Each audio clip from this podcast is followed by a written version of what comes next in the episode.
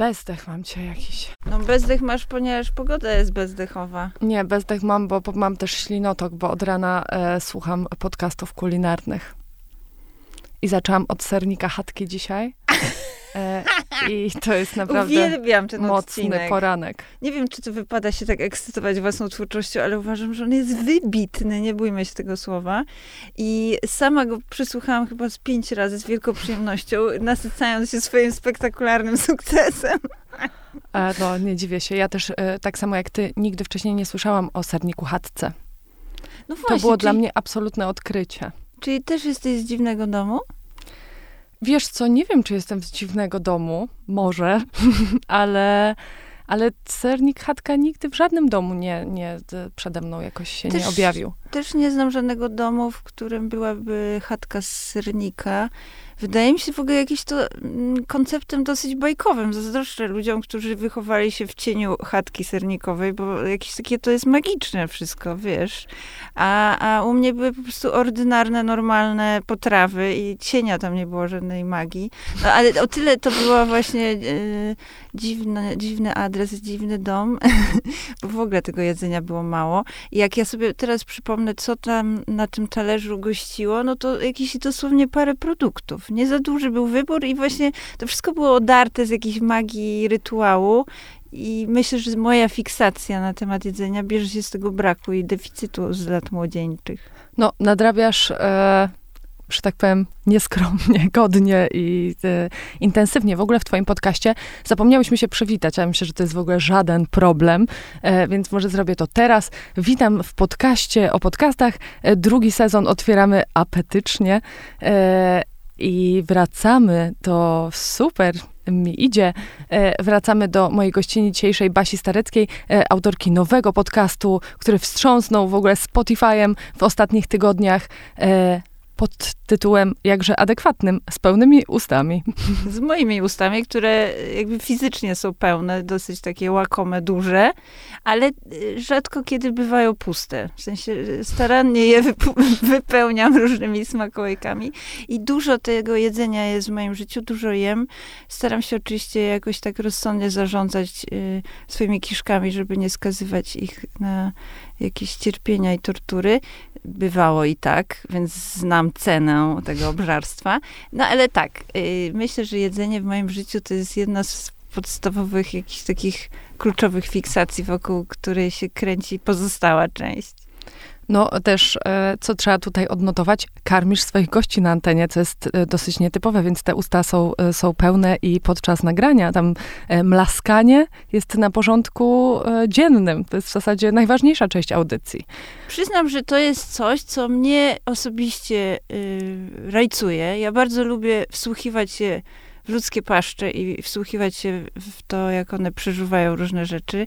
I to jest chyba jakaś taka moja skłonność od dzieciństwa. Już nie, nie wyleziemy z tej kołyski. Widzisz, już wpadłyśmy do tego domu dziwnego. Bo moje pierwsze doświadczenia właśnie z gastronomią, jakbym miała się zastanowić, y, są z baru mlecznego, który był y, na warszawskich Bielanach, naprzeciwko mojego bloku, y, bardzo ładnego, z szarej płyty, czteropiętrowego. W ogóle urodziłam się w jakimś upiornie smutnym miejscu, szarym, takim totalnie niekolorowym i może potrzeba koloru również się z tego bierze, ale nie o tym. Ja do tego baru mlecznego chodziłam dosyć regularnie, ponieważ yy, no właśnie zdolności kulinarne mm, kobiet, y, z którymi mieszkałam, czyli babki, matki, były dosyć ograniczone. I raz na jakiś czas chadzałyśmy tam, żeby nie wiem, co przyświecało jakby tym osobom, które mnie tam prowadziły, żeby może mnie wreszcie nakarmić jakoś porządnie. I pamiętam, że y, moim ulubionym daniem y, wówczas, a mam wtedy być może jakieś 6-7 lat, czyli stosunkowo wcześnie zaczęłam swoją Mhm. karierę y, krytyka Dosyć. kulinarnego. Moim ulubionym, ulubionym daniem była zupa owocowa z zimnym makaronem. Uwielbiałam tą Koszmar. zupkę. I jadałam ją oczywiście latem, chociaż wiadomo, że te owoce były mrożone. Y, Do czasu, kiedy spostrzegłam, że właśnie one wcale niekoniecznie są mrożone. Oczywiście nie miałam wtedy takiej konstatacji, że to taki proces zachodzi i z tego pewnie produktu jest najłatwiej i najtaniej zrobić taką zupę. okazało się, że pływa w tej zupie robak. I był to taki typowy robak owocowy, czyli widzisz, w tamtych czasach jednak być może nie korzystano z mrożonek. Wylazł z jakiejś maliny i był takim robakiem maliniakiem po prostu. Może I... to był mrożony robak.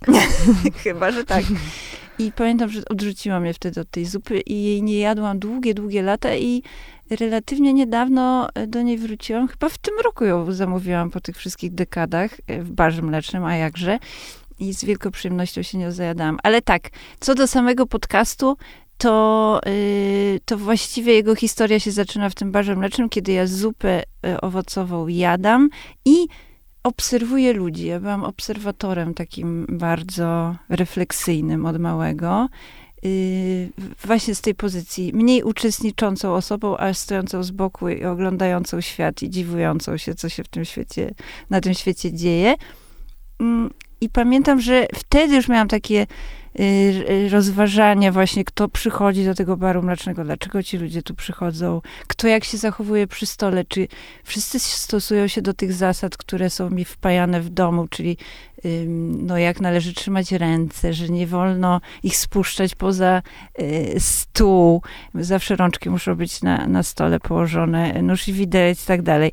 Dosyć y, dużą wagę, tak jak do smaku niekoniecznie, ale do tych zasad savoir vivre w moim rodzinnym domu i w, u dziadków, u rodziców y, mojego ojca przykładano dużą wagę. Więc ja sprawdzałam, czy wszyscy tak robią. Okazywało się, że w ogóle ludzie trzymają widelec w sposób radykalnie różny.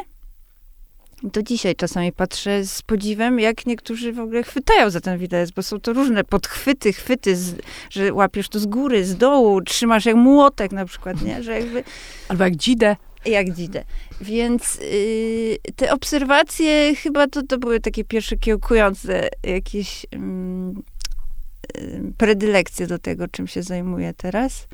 I ten podcast jest ukoronowaniem mojej drogi kulinarnej yy, i jakąś taką wielką radochą, że mogę sobie to, na to pozwolić dzisiaj i mogę gromadzić yy, uszy moich dotychczasowych czytelników wokół tego wydarzenia.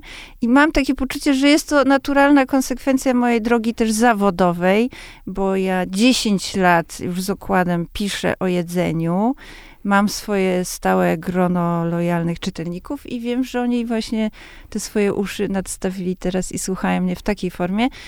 To też jest dalej dziennikarstwo. Y, to są rozmowy z ludźmi, ale no właśnie w jakimś, na, na, na innych zasadach trochę. Ja się tych zasad uczę, trochę się jeszcze rozsiadam wśród tych serników. Y, przyglądam się sobie, przyglądam się gościom, tak jak wtedy. Mm, patrzę, jak kto je i z, i z jaką przyjemnością. I przyznam, że brakowało mi samej czegoś takiego w polskich podcastach. Takiej swobody, y, jakiejś nonszalancji, jakiejś fantazji ale takiej też bezpretensjonalności, że po prostu siadamy, jemy i, i, cieszymy się tym jedzeniem i gadamy o tym jedzeniu. Prosta, taka głupia rzecz może, ale mnie osobiście to bardzo zawsze cieszyło i interesowało. Więc sama sobie taki podcast zrobiłam. I też y, widzę już, i to zawsze było wyzwanie y, jeszcze w takim klasycznym dziennikarstwie, żeby znaleźć rozmówcę, który lubi jedzenie, kocha jedzenie, cieszy się tym jedzeniem, ale trudność polega na tym, czy on potrafi o tym opowiadać. I okazuje się, że wcale e, to nie jest takie oczywiste, że osoby, które oglądamy, jakieś osoby publiczne, które nawet nam się wprost kojarzą z jedzeniem, jak przychodzi to do czego siadamy do wspólnego słowa, do stołu, okazuje się, że na przykład kwitują posiłek, że to jest dobre, albo to jest, a jakie to pyszne, i wiesz, jakby zamyka się rozmowa. Ja uwielbiam o jedzeniu gadać. Y, w naszym domu, y, w sensie w domu moim i mojego męża, jedzenie jest y, no, pierwszym podstawowym tematem, a że mąż jest kucharzem, no więc tematy się nie kończą. I my jemy, wszystko sobie przygotowujemy. Bardzo lubimy gotować w domu. Rzadziej wychodzimy, coraz rzadziej na tak zwane miasto do restauracji. No i to, co żeśmy ugotowali, kładziemy na stole, jemy i rozprawiamy o tym, jak żeśmy to ugotowali. Jakiej to jest jakości? Czy ten kalafior się zmienia w przestrzeni czasu? Jak ten kalafior traktowaliśmy kiedyś, a jak traktujemy dzisiaj? Co, jaki potencjał tkwi w tym kalafiorze? Więc mam nadzieję, że taką przyjemność mają też słuchacze z słuchania e, mojego podcastu. Na pewno, chociaż jako słuchaczka muszę powiedzieć, że mm, jakoś to chyba się trzeba do e, odsłuchu lepiej przygotowywać. Trzeba sobie po prostu e, zapewnić prowiant, zorganizować sobie jakieś przekąski, bo no, tam ślina leci straszliwie.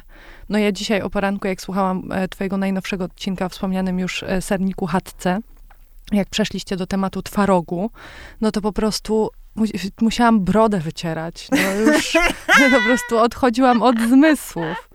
Ale mam podobny feedback od słuchaczy właśnie, że oni najpierw sprawdzają temat odcinka, gromadzą zapasy, y, aprowizacja jest zgromadzona właśnie, czy to twaróg, czy co tu wyłożyć na ten stół do słuchania i dopiero wtedy zabierają się y, do słuchania tego podcastu. To jest też jakaś moja fantazja, ta formuła podcastu na temat innych moich zainteresowań, które nazwałabym zbiorczo azjatycznymi. To jest mój główny kierunek poszukiwań kulinarnych, ale też do niedawna podróży. Teraz one są utrudnione, ale planuję niebawem. Y, Azja, która zupełnie inaczej traktuje kulturowo po prostu to są podyktowane jakieś wybory, y, temat jedzenia, ale też zachowywania się przy stole. I tam laskanie oznacza y, kontestację taką e, miłą, że smakuje i nie jest niczym e, źle widzianym. Wręcz przeciwnie, chyba tak, pożądanym. Im, Im głośniej mlaśniesz, tym więcej to znaczy, że smakuje. I pamiętam swoją pierwszą wyprawę do Azji, kiedy zauważyłam, jak jest mlaskane wokół, a ja jedna sznuruję usta, no bo właśnie w domu mówiono, że nie wolno otwierać tej paszczy. Jeszcze tutaj wchodzą w grę oczekiwania i takie przyzwyczajenia stereotypowe, jak się ma zachowywać kobieta, bo myślę, że jest bardziej e, dyscyplinowana przy stole niż mężczyzna. Jak mężczyzna sobie tam chwyci, wręcz odłoży ten widelec, tą dzidę i chwyci palcyma za udko kurczaka, no to to jest prawdziwy facet szarpiący mięso. Wiesz, że jakby nie jest tej dyscypliny, oczywiście, jak na innych różnych polach. Natomiast jestem w tej Azji i widzę, jak państwo mlaskają. Mlasnęłam nieśmiało raz mlasnęłam kolejny raz. Okazało się, że jest to cholernie przyjemne. Nie wiem, jak tam z, z tym, wiesz, podłożem um, anatomicznym, czy rzeczywiście jak przy degustacji wina napowietrzasz, czy to wchodzą w grę jakieś dodatkowe takie po prostu techniczne niuanse. Natomiast odkryłam, że to może być jakoś Mm, jakiś taki wentyl w kierunku wolności. Ja, ja, dla mnie zawsze ta wolność, taka niezależność yy, była, były bardzo ważne i widzę tutaj taki wycinek, że ja mogę właśnie, że nikt mi nie zabroni, że ja mogę sobie to zrobić. Ja czuję wtedy właśnie jakiś taki, y, taką, taką wolność, że mogę sobie mlasnąć i, i to jest mój talerz i moje jedzenie, mogę z nim zrobić co chcę i lubię też eksplorować jakby to jedzenie w tym kierunku. Mm, więc tak, też y, eksplorując temat Azji, odkryłam całe zjawisko, y, które rzeczywiście tam zyskało na wielkiej popularności, tworzenia treści pod takim skrótowym hasłem ASMR czyli y, zjawisko, które się koncentruje na dźwięku. To niekoniecznie musi być właśnie te memlanie i mlaskanie. To może być na przykład strzelanie z folii bąbelkowej, y, szarpanie taśmy klejącej. Lizanie mikrofonu. Lizanie mikrofonu albo czesanie włosów. Trafiłam ostatnio na kanał, gdzie pani czesze tylko włosy. O, to by mnie na maksa zrelaksowało. I ludzie piszą jej w komentarzach, że nie trafili na nic lepszego w internecie i dzięki niej pozbyli się problemów z bezsennością na przykład. Wiesz, że to im pomaga ukoić się do snu i zrelaksować głowę. To, co wiemy y, z naukowego punktu widzenia o ASMR-ze, o kurczę, deklinacja. Dobrze jest. Wybrnęłam. Mhm. Świetnie deklinujesz. Mm, dziękuję ci. Kursy poprawnej polszczyzny w panie. Y że wiemy tyle, że właściwie nie do końca jesteśmy w stanie powiedzieć, jak to działa i czy rzeczywiście te ślepe próby, testy, które były robione na ludzkości, potwierdzają w 100% efekt ASMR-u, ale na pewno jest taka grupa osób, na którą, nie mała, na którą działa właśnie tego rodzaju przyjemność wynikająca z dźwięku i jakoś ten mózg przyjemnie łaskoczy w kierunku przyjemności. Jest również rozpoznane y, bardziej marginalne zjawisko, a raczej zaburzenie, już należy tak o tym mówić, y, które nazywa się mizofonią i to są osoby, które właśnie są w opozycji do tych odczuwających y, przyjemność, czyli takie, który, dla których te dźwięki są właśnie jakieś takie bardzo doskwierające i wręcz utrudniające normalne funkcjonowanie, wychodzenie z domu, relacje społeczne. Y, Niemniej koncentruję się z, y, na tym zjawisku ASMR-owym, no bo jest mi bliskie, sama czerpię z tego przyjemność. I mm, no, jestem w tej grupie właśnie, która e, lubi się wsłuchiwać. Więc taki był zamysł jeszcze, żeby wprowadzić ten element na polski rynek podcastu, y, bo mam też takie wrażenie, że oprócz tego jedzenia i rozmowy takiej swobodnej, brakowało mi trochę życia w, w, tym, w tej całej mm, podcastowej scenie. Y, nawet w kontraście, wiesz, jak słucham sobie, co się dzieje za granicą, y, głównie to jest Wielka Brytania i Stany, że tam te podcasty nie są takie ugładzone dźwiękowo, że często na przykład są to nagrania z restauracji. Trochę mi tego brudu i takiej prawdy brakuje. No i mam nadzieję, że te wszystkie, na pewno ja, ja, jestem ukontentowana, ale że, że, że nie tylko to są moje gusta, ale że też zbiorą więcej zainteresowanych tym tematem i takim stylem. No u ciebie to życie się zaczyna już w czołówce, gdzie coś tam się sieka, coś tam się smaży. E, zwykle to są jakieś takie Mm, nie wiem, polifoniczne melodyjki, y, totalnie sztuczne, syntetyczne, no a u ciebie to już wiadomo, że po prostu się szykujemy jednak y, do jedzenia i do jakichś takich, od razu mózg się przestawia wtedy po prostu na inny kanał, na jakiś taki bardziej zmysłowy, że teraz będzie działo się coś, w sensie nie jakiś po prostu ciąg informacyjny, tylko jakieś właśnie wspólne e, przeżywanie. A czy twoi gości, goście i gościnie e, chętnie e, mlaszczą, wchodzą w to, czy krępują się trochę? No, y, przy samym zapraszaniu gości ja od razu ostrzegam, Już że Już każesz trenować? Każę trenować i że będziemy mlaskać, a później bacznie obserwuję, czy to mlaskanie się wydobywa z ust. Yy, no na razie, wiesz, jesteśmy po pięciu odcinkach, lista jest długa jeszcze zaproszonych gości. Będziemy obserwować, jak ta sytuacja się będzie rozwijać. Yy, czy usta się otworzą coraz szerzej i z większą swobodą? Zobaczymy. Myślę, że to jakiś jest taki um, zarezerwowany temat um, pełen ryzyka i obaw typowy dla pionierów w pewnej mm -hmm. dziedzinie. Ale być może właśnie to dzięki temu, tak sobie myślę, że nie każdy z słuchaczy y, będzie mlaskać. I to nie o to chodzi, żebym. Y, nie, ja wcale nie chcę namawiać ludzi do mlaskania. Hmm.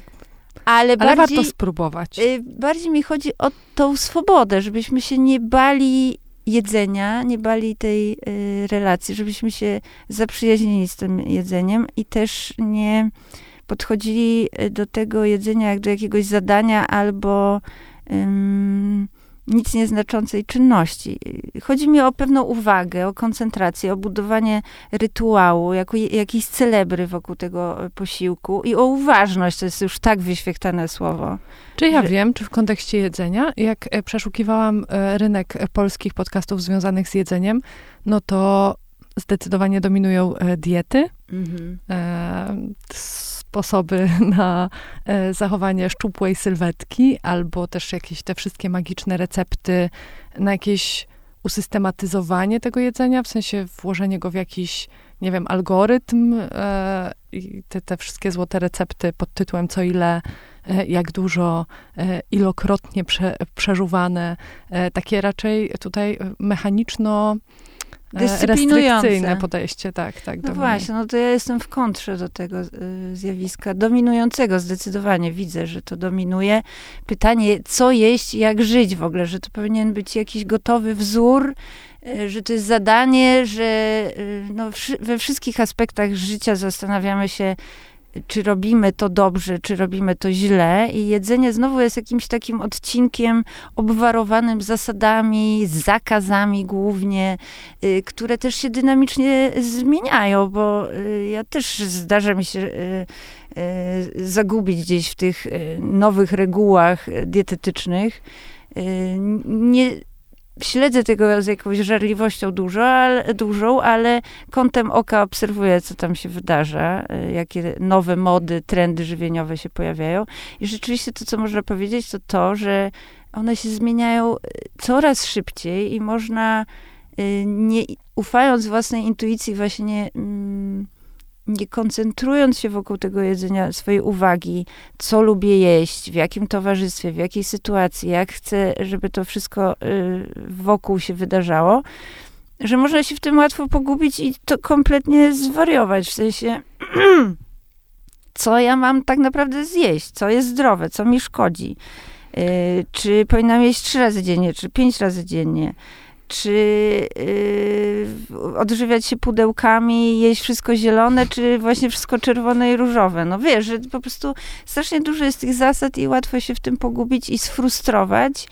I trochę ten podcast y, o, jest o tej przyjemności, o takiej swobodzie i też o takim wsłuchiwaniu się w swoje potrzeby. No wiadomo, że tego tortu czy tego sernika y, nie, nie należałoby jeść trzy razy dziennie czy pięć razy dziennie, ale jak się on zdarzy od czasu do czasu, raz w tygodniu jest mój podcast, przypominam, mhm. to nic takiego się nie stanie, żeby też y, spuścić trochę stonu, żeby po prostu to nie była taka przestrzeń, w której jest jakaś kontrola i się to wszystko tak strasznie demonizuje, tylko po prostu zaufać sobie i temu, co podpowiada nam organizm, a w, w nim czai się odpowiedź właśnie na te wszystkie e, pytania. I ja wiem, bo e, powiem to arbitralnie, ponieważ sprawdziłam to na własnej skórze, po czasie takiego totalnego karnawału, mm, bo pracowałam zawodowo, y, etatowo jako dziennikarka kulinarna, więc y, tego jedzenia przerabiałam bardzo dużo. Okazało się, że coś po kolei mi wysiada i mm, no tutaj mówię o nadmiarze, to jest inny case, ale jednak okazało się, że wszystko to, co jakby te problemy, które się zbliżały zdrowotne, już wcześniej organizm dawał mi znać, że coś jest, y, nie do końca działa. Wystarczyło właśnie przyłożyć ucho do tych kiszek i, i posłuchać, co one tam gadają do mnie. Więc ta odpowiedź rzeczywiście jest w naszym organizmie i fajnie jest polegać na takiej intuicji, ale w ogóle te czasy nie sprzyjają te, temu, żeby słuchać siebie, tylko wsłuchiwać właśnie w to, co ludzie mają do powiedzenia, a każdy ma jakieś zdanie na każdy temat. Jest to prawda. wysyp ekspertów. Z, zwykle dosyć e, kategoryczne. No właśnie, właśnie te wszystkie koncepcje jakoś kompletnie e, odrzucają tą naszą uwagę na siebie, że jednak e, tam keto czy nie keto, koniec końców w sumie ważne jest to, czy to nam służy. No nie. właśnie, ale też tak wyłącza myślenie sobie, myślę, że to jest gotowa, łatwa recepta, a, czyli wiem to i jakby nie muszę nad tym rozmyślać, no i powoduje jakieś odrętwienie szarych komórek. No ale pokusa, żeby wyłączyć myślenie jest dosyć e, silna. Taka, powiedziałabym, e, równa pożarciu tortu no, momentami. Dziwnie, że ja w ogóle nie pomyślałam, mogłam coś przynieść, byśmy przykąszały. Ja trochę o tym myślałam, ale już stwierdziłam, że, że ta przyjemność musi być e, zarezerwowana dla twojej audycji. Bardzo dziękuję, bardzo. Zdecydowanie. To, to już e, myślę, że już nikt nie odważy się karmić swoich podcastowych gości. E, no dobra, powiedz, bo ta koncepcja twojego podcastu trochę tak dojrzewa na naszych oczach. E, jakie miałaś założenia na wstępie? W sensie opracowałaś sobie jakąś formułę, czy tak pomyślałaś sobie, że no niech to się tak tworzy? Ja nie jestem z tych, co planują swoje życie. Gdzieś tam podskórnie dojrzewają we mnie jakieś pomysły, projekty. To nie było jakoś specjalnie zaplanowane. Czułam, że potrzebuję coś zrobić e, ze swoim życiem zawodowym i zapewnić sobie jakąś intelektualną rozrywkę, a że jestem pożeraczem podcastów, głównie tych kulinarnych, zagranicznych, to pomyślałam, że może ja będę odpowiednią osobą, żeby się właśnie tym wycinkiem zająć. Też miałam taki moment y, zawodowo y, jakiś taki pusty, niekaloryczny za bardzo, mm, bo po 10 latach pisania y, trochę miałam takie poczucie, że wydałam już wszystkie litery na świat i to, co chciałam napisać, wystukać na klawiaturze, nazwać słowem, to nazwałam. Mm, a zbiegło się to też w czasie z, w ogóle z kryzysem i pandemicznym i no tak, to pandemia. Y, zrewidowała moje współpracę z prasą polską. Okazało się, że z, y, no, w tej prasie nie ma za bardzo miejsca, a przede wszystkim funduszy, żeby kontynuować tę współpracę. I y, no i z tych pięciu kolumn, tak mniej więcej, które prowadziłam miesięcznie, pisałam felietony, czy to jakieś takie duże teksty i reporterskie, i podróżniczo-kulinarne, i stricte kulinarne mm, do pięciu tytułów. Okazało się, że właściwie został jakiś jeden i to taki herlawy ze ściętym budżetem tak, do takiej wysokości, y, że właściwie odechciałam się otwierać, y, kom, y, wiesz, w ogóle komputer i, i myśleć dalej o tym, co chciałabym napisać. I tak z rok mniej więcej chodziłam e, z takim poczuciem, że coś się skończyło, ale jakoś mnie specjalnie to nie martwiło, bo ja w ogóle mam takie doświadczenie, że zawsze jakoś to będzie i mam duże zaufanie do siebie. Mm, nie przerażają mnie też kryzys. Kryzys nie jest mi obcy, że jakieś takie doświadczenie z tego dziwnego domu jest o tyle dobrym doświadczeniem, które doceniam. Chociaż y, pewnie wolałabym się wychować w jakimś totalnym dobrobycie i, i w cieniu syrnika chatki.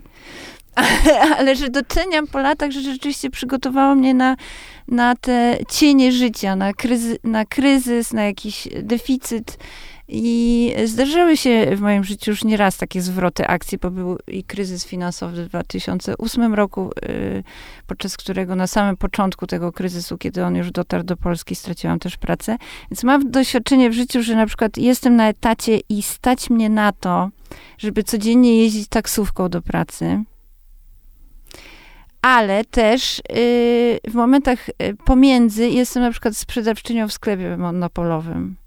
I, I to jest życie i to jest życie, że y, im więcej tego monopolu, w sensie takich doświadczeń kryzysowych, tym, tym więcej doceniania tej taksówki do pracy. Wiesz, że ja nie przywiązuję się nigdy ani do swojego statusu, ani do momentu, w którym jestem w życiu, do zleceń, do w kontekście zawodowym, ale też w ogóle takim ludzkim, egzystencjalnym.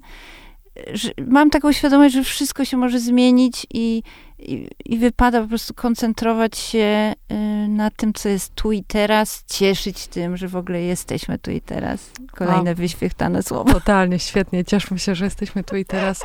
A myślę, że mamy gotowy tytuł e, tego słuchowiska. Jedzmy tu i teraz. No tak, a to o czym mówisz, to jest też takie jak w sumie trochę życiowe umami, no.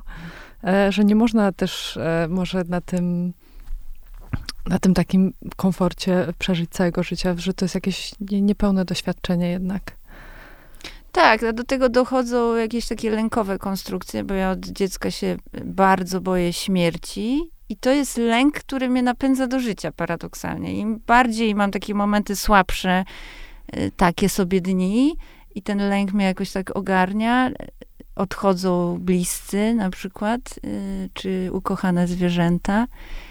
I tym bardziej mnie to mobilizuje do tego, żeby nie zwlekać z niczym, żeby zjeść to, co można zjeść właśnie dziś, żeby nic nie odkładać. I, i zawsze tak miałam, i wydaje mi się, że ten drive życiowy właśnie brał się z takiego poczucia końca.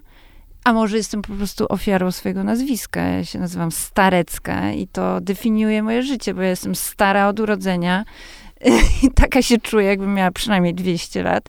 Więc takie mam poczucie, że no wiesz, że to jest jakiś taki krótki kontrakcik i fajnie się nim nasycić.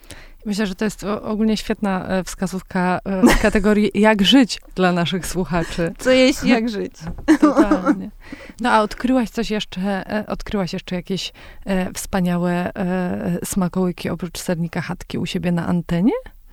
Zaczęliśmy od, zaczęłyśmy, bo miałam dwie gościnie znakomite, od jagodzianek. No tak, których jesteś e, już e, obwieszczona e, polską królową, matką.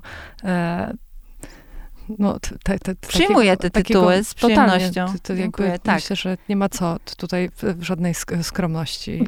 tak się czuję. Jestem e, wielką admiratorką tego wypieku i staram się od jakiegoś czasu o ustanowienie oficjalnego święta jagodzianek, które mogłoby kończyć upiorną szkołę i rozpoczynać wakacje, bo mniej więcej w tym, w tym momencie e, przyrody wydarzają się jagody. Więc zaczęłyśmy od jagodzianek ukochanych, bo to też taki, no właśnie mój smakołek, jeden z ulubionych. Y, później był baton bajeczny, którego nie jestem e, wielbicielką, więc Ale przyniosłem... lubisz Pawełki z adwokatem. Ja tak. jestem totalnie w twoim teamie tutaj. Tak, ja niestety lubię połączenie słodyczy z alkoholem.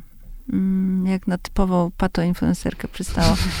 Y, więc chętnie łączę te, te przyjemności i y, no właśnie, i ten Pawełek z adwokatem jest mi bliski, ale słuchaj, odkryłam ostatnio, bo to jest trochę tak, że mm, ja na ten podcast się przygotowuję. Myślałam, że będę jeść rzadziej słodycze w związku z tym, że to będzie takie święto raz w tygodniu, ale ja przygotowując się już muszę sobie podjeść, żeby wyrobić sobie jakieś zdanie albo odświeżyć smak. I w związku z tym spróbowałam całe, całą paletę Pawełka, bo jest, go, jest on w paru wariantach, występuje ten Pawełek. I wyobraź sobie, że ten mężczyzna, y, powity zresztą przez technolożki w fabryce Wedla, y, nie wiem, czy one wspólnie miały wtedy dziecko, czy jedna właśnie wydała na świat syna w trakcie pracy nad batonem i tak nazwała imieniem syna właśnie ten batonik. Y, ten batonik. Tak, no właśnie. Ten batonik jest od zarania dziejów pełnoletni, ponieważ nie tylko wersja z adwokatem zawiera alkohol, a dokładnie spiryt, ale też y, tofi.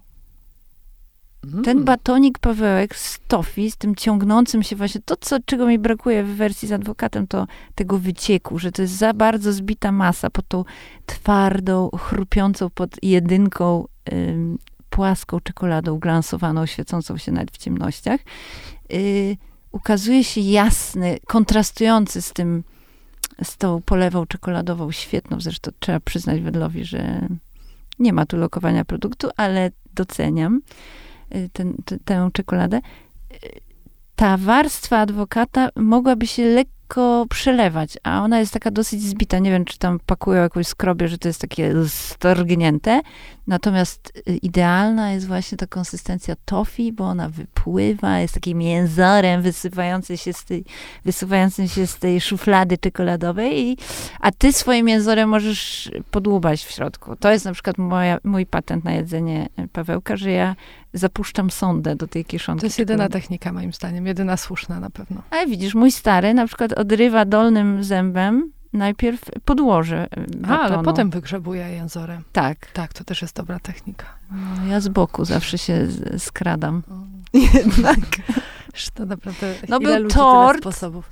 Był jeszcze tort z Anią Gacek, dziennikarką muzyczną. No tak, w ogóle ten odcinek ja e, polecam wszystkim aspirującym podcasterom, bo tam jest mnóstwo wskazówek e, o odpinaniu guzika spodni, e, niejedzeniu czekolady, orzechów i tak dalej. No to jak go słuchałam, to, to trochę stwierdziłam, że muszę zmienić podejście do swojej e, diety w, w, w, sezonach nagrywania jednak. No właśnie, jeśli nie zakładasz, że będziesz tutaj e, mlaskać i kapać śliną na mikrofon, no to rzeczywiście Ania zdradza e, takie zasady prowadzenia audycji higieny, takiego BHP e, w sumie dziennikarstwa radiowego, co należy jeść, będąc nagrywającą osobą, o ile, no właśnie, zakładamy takie klasyczne nagrywanie, że tam nic się w tle nie wydarza, żadne życie kiszek nam nie towarzyszy na antenie, tylko jest czysty przekaz.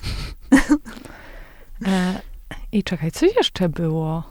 No i teraz sernik chatka, poczekaj. Ach, jeszcze były lody. O, były lody. Lody wspaniałe, z, z wyjątkową, y, zaskakującą rozmówczynią. Muszę powiedzieć, że mm, ja poprosiłam Anię Cyklińską, która prowadzi zresztą również podcast o zdrowiu psychicznym, można zresztą, zwariować. Tak, była gościnią moją w poprzednim sezonie, więc jakby ktoś chciał sobie. E, Słuchałam. Z, z Leo Ćwiek. Też tak. były razem tutaj u ciebie. Ania, y, oprócz tego, że bardzo dba o zdrowie psychiczne swoje, ale przede wszystkim swoich pacjentów i obserwujących, bo prowadzi taki edukatorski profil na Instagramie mm, Psychoedu, jest wielką smakoszką. Ja to odkryłam, bo, ponieważ ona się siłą niemal wdarła do moich corocznych testów jagodzianek, zażądała współuczestnictwa i powiedziała, że z wielką chęcią mnie odciąży w tym słodkim obowiązku. I rzeczywiście myśmy buszowały po warszawskich cukierniach w poszukiwaniu jagodzianek i Anka była świetną testerką i ja się zorientowałam, że y, warto ją znać, bo jest to osoba, która kocha jeść i czerpie z tego jedzenia taką wspaniałą dziecięcą radość i potrafi o tym opowiadać, więc zaprosiłam ją rzeczywiście do swojego podcastu, y, zadałam pytanie, co jemy, co jest w sumie taką najbardziej y, ulubioną formą cukru. Anka powiedziała, że zdecydowanie lody. No a w, w trakcie całego podcastu okazało się, że no to nie jest po prostu konsumpcja, to są też wyprawy kulinarne po świecie tropem lodów, więc y, bardzo ciekawa rozmówczyni, polecam serdecznie uwadze ten odcinek. I zeszłyśmy też na, mm, dla mnie w ogóle ten, ten odcinek jest y, udany pod względem takim dziennikarskim, bo wydaje mi się, że fajnie, to wiesz, ja też odsłuchuję sobie później, nie wiem, czy ty też tak robisz, że słucham siebie bardzo krytycznie, tak jak w życiu staram się tego nie robić i być dla siebie łaskawą i się tam nie biczować, to tutaj słucham mm, właśnie z takiego dziennikarskiego punktu widzenia, czy zachowałam odpowiednie proporcje pomiędzy dwoma składnikami, które chciałabym, żeby się znalazły w tej podcastowej potrawie, czyli mamy to smakowanie życia i deserów, ale mamy też jakąś wiedzę ekspercką albo no może być to przepis w wydaniu Kuby na sernik w takiej bardzo rozrywkowej formie, albo stricte rzeczywiście jakaś taka wiedza, która nie jest powszechna. I to, co Ania opowiadała o jedzeniu na przykład na oddziałach psychiatrycznych, czy tam w klinice leczenia różnych y, przypadłości nerwic, no to dla mnie było bardzo ciekawe, jakie są właśnie relacje, czy to jedzenie w, w, kontekście terapeutycznym w ogóle odgrywa jakąś rolę, czy może, czy można je włączyć w proces e, zdrowienia.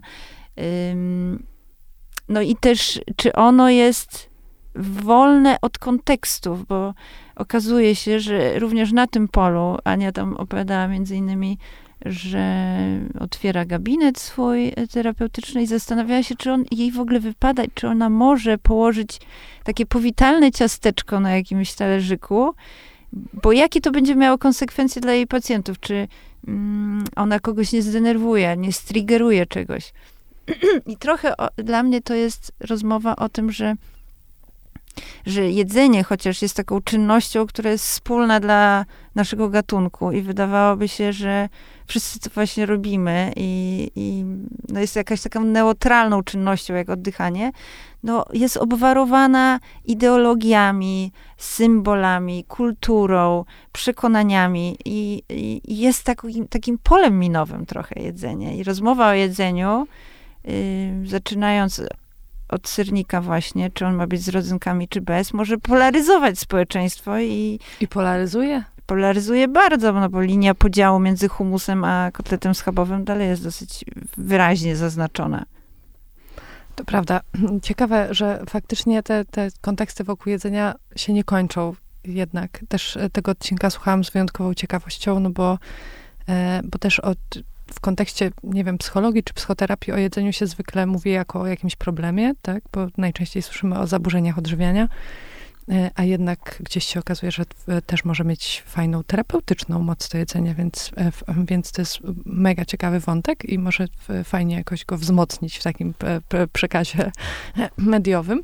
No dobrze, a powiedz, e, kto jeszcze cię odwiedzi w najbliższych tygodniach? Bo widziałam, że tam już były jakieś e, takie otwarte zaproszenia instagramowe, apele, wezwania.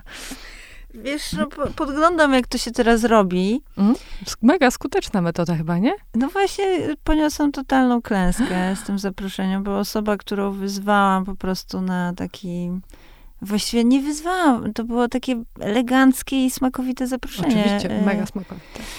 Y, niestety nie zaniechała dalszej y, komunikacji ze mną, więc chyba wrócę do klasycznych dziennikarskich metod, czyli telefon do osoby, na której mi zależy, albo jakaś wiadomość tekstowa. Mm, no w planach jest y, galeria postaci. Zależy mi na tym, żeby y, one nie w prostym skojarzeniu y, były jakoś powiązane z jedzeniem, żeby trochę się bawić tą formułą, że wszyscy jemy. Niekoniecznie ci, co mówią o tym. I chciałabym, żeby to były różne pokolenia i różne branże. Bo dziś to wydaje mi się też ciekawe, y, co jedzą pisarze, czy jedzą to samo, co jedzą aktorki na serialach, na przykład w serialach grające. Więc y, chciałabym to poeksplorować z jakiejś takiej własnej ciekawości jak to jedzenie odgrywa rolę właśnie w ich pracy zawodowej, czy ma wpływ na warsztat, o, to, o, co, o czym rozmawialiśmy w kontekście y, Ani Gacyk. Ja czekam w takim razie na odcinek o e, pisarzach. Może jest jakiś po prostu sekret diety na przykład, który e, jakoś stymuluje proces twórczy w tym zakresie. Ja mam takie doświadczenie, że jak piszę, to ja muszę jeść. To nie jest zaskakujące, bo ja w ogóle jakby przy wszystkich czynnościach niemalże e, towarzyszy mi jedzenie, ale mam taki, no właśnie, to jest trochę takie zajadanie jakichś lęków, y, to też, są, to też jest sięganie po jedzenie nie w takim kontekście, że chcemy je celebrować, czy po prostu sięgamy jak po paliwo, tylko sięgamy z innych powodów, właśnie zajadając jakieś emocje. Więc ja często na przykład y, przed ym, zabraniem się do pisania muszę coś zjeść, żeby rozładować to napięcie, które towarzyszy mi przed pierwszą literą, a które wiąże się, tak myślę, po wielu terapiach doszłam do tego, że wiąże się z takim y, strachem, że to nie będzie to, co napiszę, nie będzie wystarczająco dobre. A to, czy nie będzie wystarczająco dobre, ocenię ja bardzo krytycznym okiem. Znasz temat, nie? Znam. No właśnie, więc tym początkowym fazą ciekawa jestem, czy, czy innym piszącym też towarzyszy takie napięcie i taka pewnego rodzaju trema, bo to nie ma nic wspólnego z doświadczeniem. Ja po 10 latach powiedziałabym, że miałam, mam coraz większą tremę, bo mam też e, coraz większą świadomość odpowiedzialności za słowo. Papier jest cierpliwy, nawet ten on, y, y, online'owy przyjmuje wszystko i tam to słowo zostaje na wieki. To jest też walor y, napisanego słowa, nie? że ono po prostu jest wieczne. Więc mając taką świadomość i też doświadczenie, mm, myślę, Polskiej Szkoły Reportażu Mariusza Szczygła, obcowania z warsztatem y, reporterskim i, i rozmów na temat odpowiedzialności za to, co się pisze, i niekończących się rozmów, czy w reportaż, czy reportaż powinien być prawdziwy, gdzie, gdzie się zaczyna fikcja, a kończy prawda. No, towarzyszą mi właśnie takie emocje i ja je widzę z premedytacją, zajadam. Czasami się powstrzymuję, już łapię się na tym momencie właśnie dzięki ćwiczeniom uważności.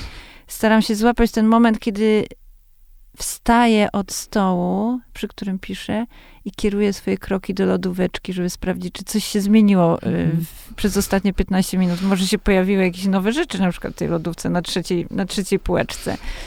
Y, I zaczęłam, za, zaczęłam już wychwytywać ten moment, jak zmierzam w kierunku kuchni i idę wtedy na przykład na spacer, taki strasznie smutny, bo nie zjadłam. Głodny spacer. Tak, taki głodny spacer, ale rozchadzam właśnie te napięcie związane z tym, z, z tym y, strachem takim, czy to będzie takie dobre i gadam wtedy ze sobą, więc y, staram się być uważna też na tym odcinku. Dlatego mnie interesują goście piszący i myślę, że możecie się ich państwo spodziewać. Ale o tych emocjach...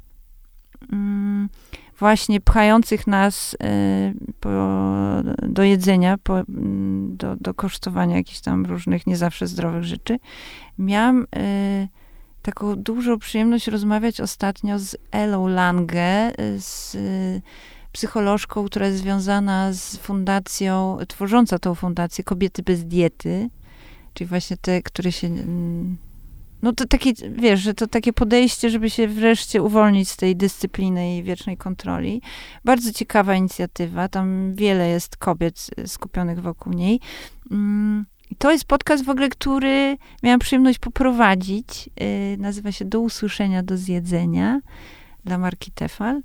I, i, I, ta rozmowa w ogóle mi dużo dała, więc tak sobie myślę, że ten podcast jest. Ja robię też dla siebie I to zawsze lubiłam w dziennikarstwie, te spotkania z y, osobami i sprawdzania, jak ja mam, jak ty masz, jak ty czytasz świat, przez jaki filtr go przypuszczasz i jak go czujesz. Zawsze mnie to najbardziej interesowało i w ogóle mnie interesuje w, życie, w życiu spotkanie z drugim człowiekiem. Nie wszystko muszę zapisać i nagrać. Ja po prostu jestem tego ciekawa. Y, jestem obserwatorką, tak jak mówiłam. I niestety jestem z tych, co zaczepiają ludzi na ulicy. Zaczepiają różne osoby, bo osoby ludzkie i osoby zwierzęce też zda, zdarzają się zaczepiać i gadać do psów również. Więc moją ofiarą padają e, różne persony po drodze. Mm, także miejcie się na baczności. Ja też jestem e, tą personą, która zagaduje do psów, e, ale tylko do psów. Ograniczam się jednak. Więc strzeżcie się e, Basi Stareckiej na swoich ścieżkach. Mogę zagadać.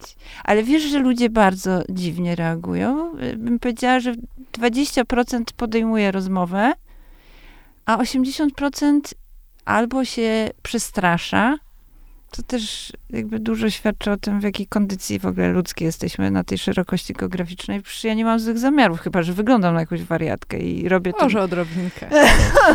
robię to w jakiś, wiesz, sposób taki kontrowersyjny, ale rzeczywiście jest strach. Ostatnio uciekł przede mną mężczyzna, którego zaczepiłam o, mm, prosząc o wskazówki, gdzieś się zgubiłam na jakimś Gocławiu czy innym. I, I, chciałam po prostu spytać, gdzie tutaj jest jakiś y, moment cywilizacji, bo nie wyglądało na to, że znalazłam się w jakimś takim zamieszkałym y, fragmencie Warszawy. I ten człowiek wydał z siebie jakieś po prostu y, dźwięki, ciężko nazwać to wyrazami, jakieś, jak, jakiekolwiek wskazówki. To były jakieś takie nerwowe dźwięki, po czym uciekł. I tak sobie pomyślałam, że mm, no właśnie, że nie jesteśmy jacyś specjalnie y, smalltalkowi. No zdecydowanie nie jesteśmy smalltalkowi, ani bigtalkowi w sumie też jeszcze nie jesteśmy, no ale e, może, może właśnie dzięki e, takim wariatkom jak ty e, gdzieś tam można potrenować, no. Ten pan akurat wybrał jogging, e, ale może, może te 20% e, będzie rosło, tak jak procent osób mlaskających. Tak, e. ale mnie to jakoś nie zraża. To ciekawe, że... Ja czuję, że to jest połączone w ogóle ze sobą. Tak? Tak że taka odwaga do mlaskania i odwaga do rozmawiania z obcą osobą na ulicy, że jednak to jest, to jest ten sam e, lęk. Mm, no tak, że powstrzymywanie się i kontrola. A z mojej strony y, nadmiarowe używanie aparatu sącożącego, mielącego.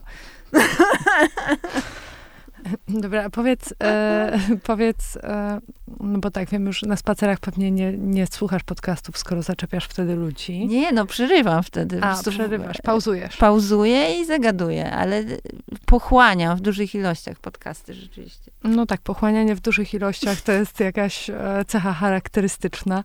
No jestem bardzo ciekawa, co ty pochłaniasz. Zacznę od kuchni, najbliższego miejsca. Jest wspaniały podcast. Ostatnio w wersji live, scenicznej. No i tam jest ten brud i szum, o tym rozmawialiśmy wcześniej. Jessie Ware i jej mama. E, Jessie, którą kojarzymy ze śpiewania głównie, nagrała cztery albumy. Mm, piękny głos.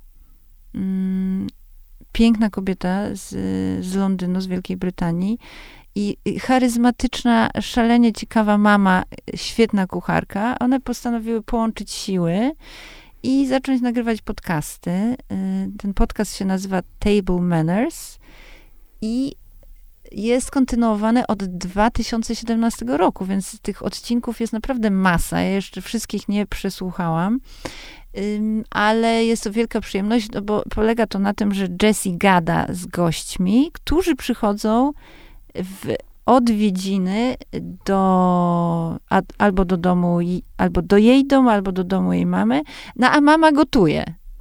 I mama często serwuje naprawdę jakieś takie wyrafinowane, finezyjne uczty, w zależności od sezonu yy, i od preferencji gości, bo jest ewidentnie jakaś wcześniej konsultacja. Powstaje wielodaniowe menu. My słyszymy również, jak Państwo tam jedzą, ale nie jest to jakiś taki yy, mocny element tego słuchowiska. Yy, towarzyszy temu taka bezpretensjonalna, znowu swobodna rozmowa. Ja no, mam jakąś ogromną frajdę ze słuchania tego, wsłuchiwania się w, w relację matka-córka, bo ona jest urocza. Y, tam jest dużo takiego przykomarzania się. Mamo, ty to zawsze. Jessie, y, ale nie dopiłaś, albo nie dojadła. Wiesz, takie... Tam jest dużo tej takiej y, przyjemnej dynamiki rodzinnej, ale też swobody, bo panie sobie leją wino non-stop. Tam właściwie nie ma odcinka bez, bez kieliszka. Mm, jest takie ucztowanie właśnie pełną gębą i, yy, i też takie przekomarzanie się, że, że Jessie zdarza się powiedzieć do, mat, do matki fuck off. Jak ta mama jej właśnie ją tam dyscyplinuje i mówi, nie powinnaś tak mówić do Joe'ego. no i są znakomici goście, znowu z, z różnych środowisk, ale jednak głównie motyw muzyczny przeważa. I totalnie mnie rozbawiło, jak wśród gości pojawił się um, Buble, Christmas Songs. Liczyłam, że zaśpiewa jakiś Christmas Songs. No, wspaniały głos. Okazuje się, że on ma taki sam głos, jak mówi, więc wypadałoby, żeby mówił równie dużo, jak, jak śpiewa, bo, bo jest to tego samego rodzaju przyjemność. No i Buble w pewnym momencie zaczyna rzeczywiście śpiewać, mm, wspominając jakieś dzieciństwo, jakiś szlagier tam przywołuje. Jessie się y, dołącza do niego i on się orientuje, że ona ma taki wspaniały głos. Co więcej, okazuje się, że on w ogóle nie był świadomy, że ona nagrała te cztery albumy wcześniej i był przekonany, że przychodzi do podcasterki. Wow. No. Więc jest tam trochę takich e, żarcików właśnie. E, to jest duża przyjemność, ale też e, jest taki podcast, który się nazywa One Dish i prowadzi go Andy Oliver. To jest um, brytyjska szefowa kuchni, a wcześniej również śpiewająca osoba. Patrz, jakiś pattern jest taki. Totalnie. A ty śpiewasz? O, dobre pytanie. Mm. Tylko Whitney Houston. Ja tylko Adele, wiesz. Ale nie, nie, nie chciałabyś tego słyszeć. No tutaj akurat talentu niezbyt posiadam. Natomiast ten podcast One Dish to jest bodaj produkcji BBC, które w ogóle jest prężnie działającą taką platformą podcastową.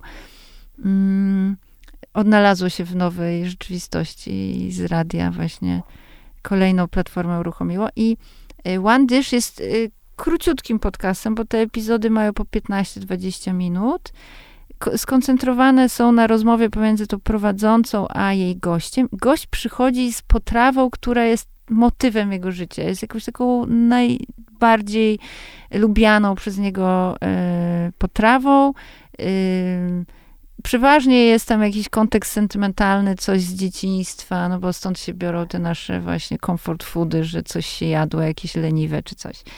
Ale oprócz tego, że państwo jedzą i gość opowiada, jak to jest robione i dlaczego i po co i skąd tą potrawę ma, to jest jeszcze taki wsad merytoryczny, że ta Oliver opowiada o historii tego konkretnego dania, się przygotowuje do tej rozmowy i możemy się dowiedzieć, jaka jest historia na przykład Kacia Pepe czy sznycla wiedeńskiego. Cofamy się do jakichś Mezopotamii prawieków.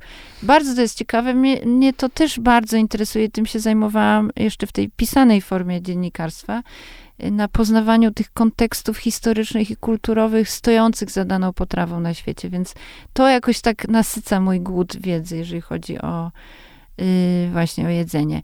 To robi też Robert Makłowicz. za to zawsze ceniłam jego programy kulinarne. I yy, oprócz tego jeszcze jest taka pani z lubką, która się w formie dżingla wynurza w trakcie tego kwadransiku która opowiada o takiej naukowej stronie tego jedzenia i tłumaczy nam, dlaczego to cacio e pepe jest takie pyszne i co nam robi w głowie i jakie tam reakcje y, fizyczne zachodzą, że, że te smaki tak ze sobą dobrze grają. Więc takie kompleksowe podejście do dania, to bardzo, bardzo ciekawy w ogóle y, koncept jest. Fajna formuła. Jezu, muszę zablokować ślinianki. Kaczy a pepe. Przełykamy. Jezu. I y, uwielbiam jeszcze y, to, co robi David Chang od lat. To jest amerykański szef kuchni y, o korzeniach koreańskich, więc sporo w jego gotowaniu i w jego życiorysie tych wątków y, azjatycznych, y, które są mi bliskie. E, twórca, mogą go Państwo kojarzyć e, z takiej spektakularnej kariery restauratorskiej, bo on mm, założył taką sieć restauracji Momofuku i e, jakby w różnym pułapie cenowym te miejsca funkcjonują. Różną mają ofertę gastronomiczną, ale wszystko się kręci mniej więcej wokół takiego azjatyckiego comfort foodu. David Chang jest też hostem w programie Chef's Mind, wyprodukowanym x lat temu już przez Burdena, którego niestety nie ma na, na świecie, już to wielka strata. Ale też sam wyprodukował dla Netflixa Ugly Delicious, taką serię świetną.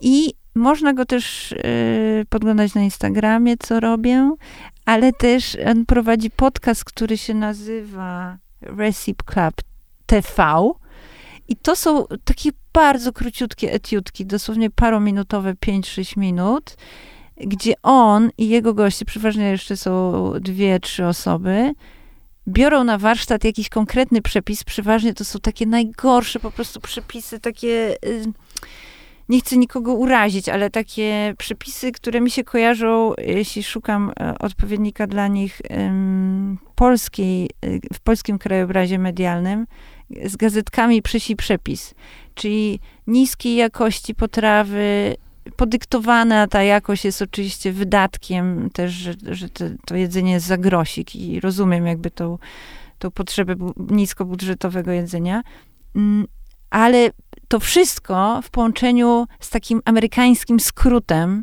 czyli patrz, mikrofala, mrożonki, jakieś takie różne rozwiązania gastronomiczne, które wydają mi się dosyć upiorne, ale ja czerpię jakąś taką niezdrową podnietę z oglądania tego, jak oni na przykład mrożonego brokuła odmrażają w mikrofali, a później pieką go w jakiejś takiej zalewie na bazie majonezu. I wiesz, i, i każdy z nich y, ten wyjściowy przepis interpretuje po swojemu, bo przeważnie to jest właśnie Chang, który jest wyśmienitym, doświadczonym szefem kuchni, jeszcze inny drugi kucharz czy kucharka i gość, który teoretycznie z jedzeniem nie ma nic wspólnego, więc ten broku zalany majonezowym sosem w wydaniu każdej z tych osób jest czymś innym na samym końcu. I to jest jakaś taka ciekawa dynamika, no i ta perwersja płynąca z mikrofali mrożonych jakoś mnie rozbraja i ja patrzę na to z, z, z lekkim obrzydzeniem, ale też z niezdrową podnietą. No. Ale czy, czy efekt e, tych ich e, eksperymentów jest jakiś wspaniały? Czy no oni... właśnie różnie. I tutaj jest przestrzeń na tą prawdę, o którą mi chodzi w życiu i w podcaście, że to nie zawsze jest nie zawsze jest właśnie spektakularnym sukcesem na koniec. Czyli to jest bardziej eksperyment niż, tak, e, poszukiwania. Niż ich e, wersja taka e, Gourmet. restauracyjna. Nie, tego nie oni po prostu biorą tego brokuła, odmrażają po drodze, mówią, że... Co się wydarzy? Co się wydarzy, ale też mówią po drodze, że kto to wymyślił na przykład, dlaczego to jest tak, ja zrobię to inaczej. Nie, to ja tego nie zrobię. No sorry, nie, jakby po co dwa razy odmrażać? Wiesz, jakieś takie y, też płynące rzeczy z ich doświadczenia, ale na końcu na końcu właśnie nie zawsze to jest smaczne, albo mówią, że to zjedli, no bo y, no bo takie było zadanie, żeby to zjeść i ten, ale dosyć szczere są te opinie, właśnie to jest na zasadzie tak, myślę, że takiego eksperymentu. Słucham jeszcze, odkąd mam chatę na Podlasiu, odkryłam nowy segment podcastów, znowu to jest Wielka Brytania, no David Chang to, jest, to są Stany, te poprzednie dwa to są brytyjskie produkcje. Mm, brytyjskiej produkcji y, segment podcastów ogrodniczych. O oh, wow wiesz, dziedzictwo Wielkiej Brytanii, jeżeli chodzi o jej wkład w światowe ogrodnictwo, jest ogromne. Y, studiowałam to między innymi na, na swoim y, uniwersytecie, bo skończyłam architekturę krajobrazu, więc jestem świadoma, jak bogata jest y, ta krynica wiedzy, jeżeli chodzi o dorobek brytyjskiego ogrodnictwa. No i jest parę takich podcastów, które, które właśnie mają jakąś taką swobodę w opowiadaniu o tym, co w danym momencie. One są bardzo skoncentrowane na, na tym, co się w danym momencie wydarza w, w przyrodzie, więc jak ja jestem w swojej chatce podlaskiej i obserwuję, że słoneczniki już powoli zaczynają zmierzać w kierunku kwitnienia, włączam sobie taki podcast, żeby się zorientować, czy ja jeszcze coś powinnam zrobić, czy mogę jeszcze dosadzić kalarepkę, czy to jest ten moment. a państwo mi mówią, tak, dosadź tą kalarepkę, a możesz jeszcze sypnąć rzodkieweczki, więc dosypuję rzodkieweczek, a oni w międzyczasie opowiadają, że odkryciem dla nich sierpnia 2022 jest odmiana skrzypiący skrzat. No, teraz zmyślam, nie? Że jest jakaś, nie wiem, nowa odmiana dali, gadają o tym, więc to jest jakiś taki bardzo... Kalarepka skrzypiący skrzat? To nawet ma sens. No, kalarywka jest trochę takim skrzypiącym Totalnie. skrzatem. Zaprzyjaźniałabym się. przypadek. E, No a jakieś tytuły? Super. W ogóle wydaje mi się, że to jest taki, taka nowa, nowa e, formuła, e, odpowiednik jakichś takich starodawnych tygodników tematycznych, jakichś Kobiety i światów wędkarstwa, albo właśnie jakieś, nie wiem, no takie, były takie małe broszurki różne ogrodnicze, Tak. sezonowe, ale też kulinarne, e, takie zeszyciki. Tak, ja zbierałam kiedyś segregatory, jakieś takie wydania. No to to jest Grow, Cook and Eat, coś takiego to się nazywa. To to yy, kobieta, ogrodniczka i ogrodnik. W parze to prowadzą. Ale też, jeżeli chodzi o podcasty, to nie jest tylko jedzenie i ogródek i skrzypiący skrzat kalarepkowy, ale też yy, słuchowiska takie ym, Fabularne? fabularne, no właśnie jakby to nazwać. Mam pewną trudność.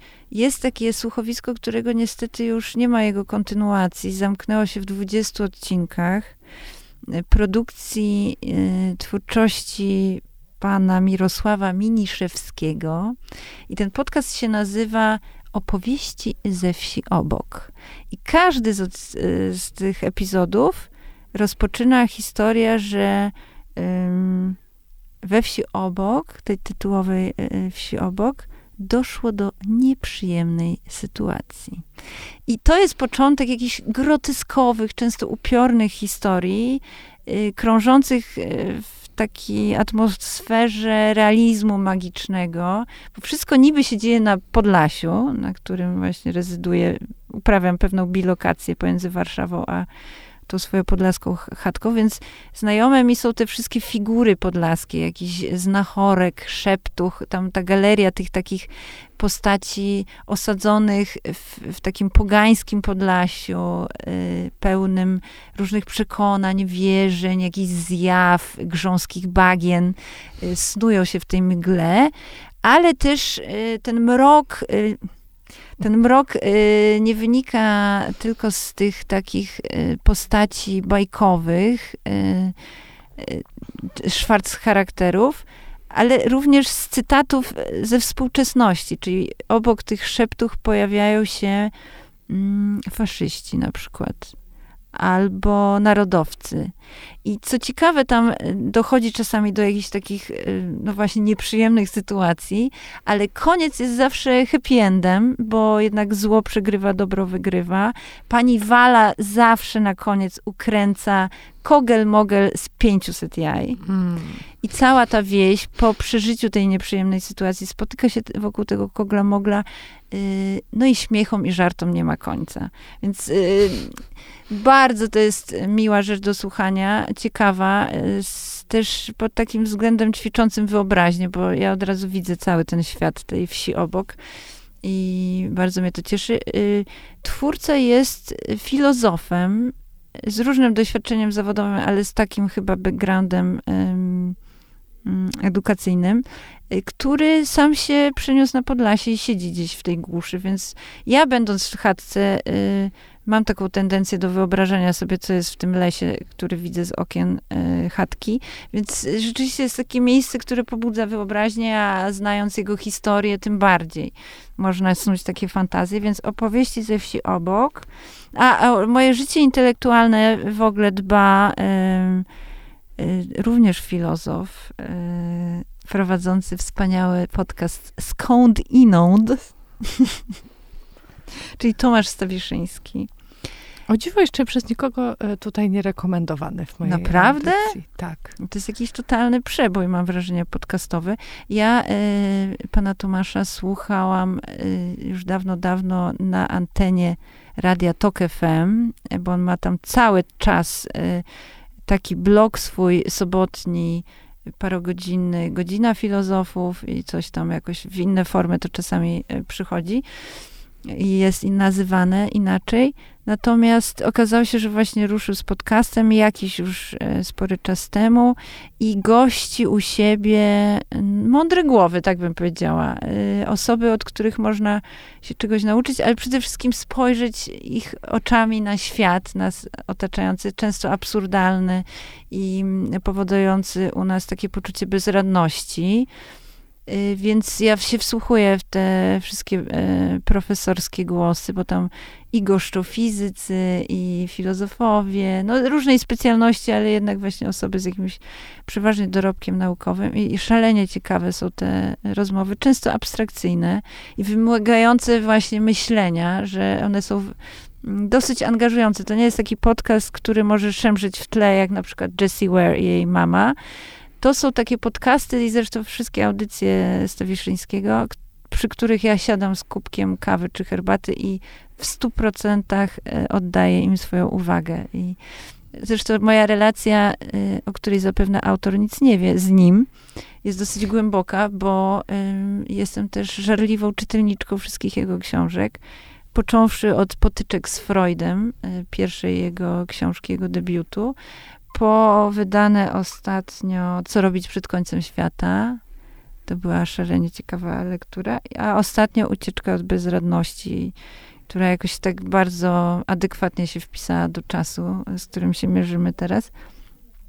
No i tak, a i podobne, ym, podobne deficyty i, i jakąś taką frajdę intelektualną, deficyty w sensie wypełnia, ale frajdę intelektualną sprawia podcast Marty Niedźwieckiej oczywiście. Tak, akurat dla odmiany polecany przez wszystkich moich gości, wszystkie Zapewne. moje gościnie w zasadzie, no i w sumie nic dziwnego. Też e, przecież ty gościłaś niedawno całkiem u Marty. Tak, tak. W, w jej odcinku o jedzeniu ale o zmierzchu podoba mi się dlatego, że no, znamy się z Martą w ogóle prywatnie, ale lubię jej, jej słuchać, ponieważ ona patrzy na nasze życie, czy w ogóle na. Mówi o psychologii, mówi o seksie, ale w takim bardzo krytycznym ujęciu. I to, na co ja mam totalną alergię, na ten coaching powszechny i na to, na to właśnie radzenie, jak żyć i, ym, i tego strasznie dużo, takiej, takiej papy pop psychologii, która właśnie wykleja głowę, mam wrażenie, trochę jak jakaś rozgotowana kasza jaglana, czy tam owsianka. Broku w majonezie. Broku w majonezie, tak. To Marta jest jakaś konkretna i ma swoje zdanie i na, na to wszystko patrzy krytycznym okiem. I ja za to krytyczne oko ją bardzo cenię i śledzę każdy odcinek na bieżąco. Jestem e, uważną słuchaczką. Mm, a jeszcze o, e, o takiej uważności bardzo lubię słuchać podcastu Michała Zaczyńskiego. Mm, co za twist tutaj w tych rekomendacjach. Od błogich brytyjskich ogrodów przechodzimy do odrobiny jadu e, skapującego z ust e, redaktora Michała Zaczyńskiego. Należałoby powiedzieć nadredaktora chyba. Ale Michał Zaczyński wydaje swój podcast mniej więcej raz do roku. To jest taka częstotliwość. No, trochę się śmieję, może częściej, ale bardzo, bardzo rzadko, więc jak już coś spłodzi, to ja to słucham. Mniej lubię jego zawodowe y, rozważania i pewnie z tym jadem do nich pijesz. Ja słucham y, tego jego... Błysku włoskiego odcinka, od, od, nie, włoskiego podcastu, który um, od czasu do czasu przydarza mu się taka włoska gawenda. On opowiada o tym, że mieszka właśnie y, w, tych, w tych włoskich wspaniałych okolicznościach przyrody.